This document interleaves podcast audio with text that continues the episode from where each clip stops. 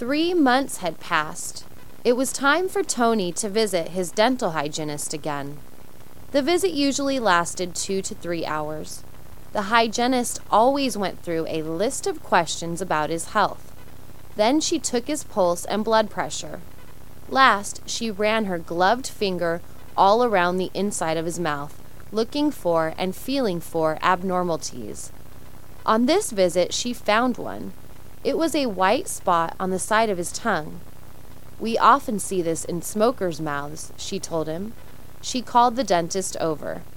How long has that been there? he asked Tony. I have no idea, said Tony. We're going to have to do a biopsy, the dentist said. It won't require more than two or three stitches. We have to make sure this spot is benign. We'll do it right after your teeth are cleaned. Tony couldn't eat anything except soup for a couple of days after the surgery, nor could he pronounce words clearly. If the white spot were malignant, how much more surgery would be required? How much of his tongue would be removed? He regretted all those years of smoking. A week later, the dentist removed the stitches and told Tony that the white spot was benign. Tony was relieved. A few days afterward, Tony was talking to a friend of his who was a long-time smoker. You really ought to quit, he suggested.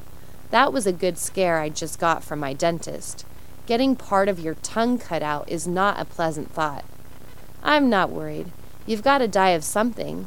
I've got a greater chance of getting killed by a drunk driving a white SUV than by some white spot on my tongue.